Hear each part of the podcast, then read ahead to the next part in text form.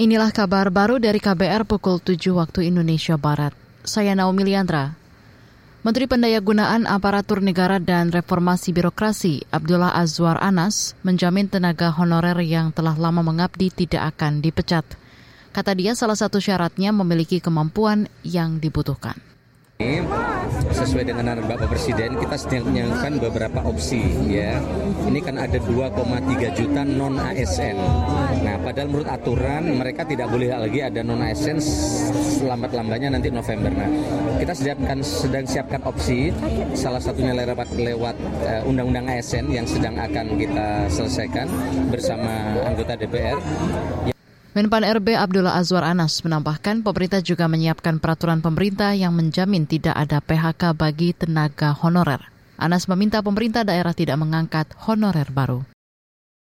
Panglima TNI Yudo Margono menjamin kelancaran pendistribusian bantuan ke dua distrik terdampak cuaca ekstrim di Kabupaten Puncak, Papua Tengah.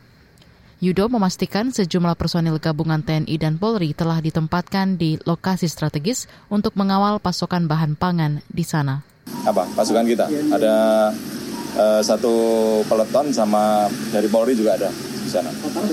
Orang. Ya sekitar 50 orang kita untuk di, menjaga di bandara maupun uh, jalan menuju ke distrik. Ya, ada Bume maupun Lambewi tadi yang terdampak kan dua distrik itu. Panglima TNI Yudo Margono mengatakan gangguan keamanan bukan menjadi faktor utama penyebab lambannya pengiriman bantuan ke Kabupaten Puncak, Papua Tengah. Ia menyebut faktor alam atau cuaca menjadi penghambat distribusi bantuan ke distrik yang mengalami kekeringan ekstrim. Kekeringan yang berujung kelaparan menyebabkan enam warga di Kabupaten Puncak, Papua, Te Papua Tengah meninggal.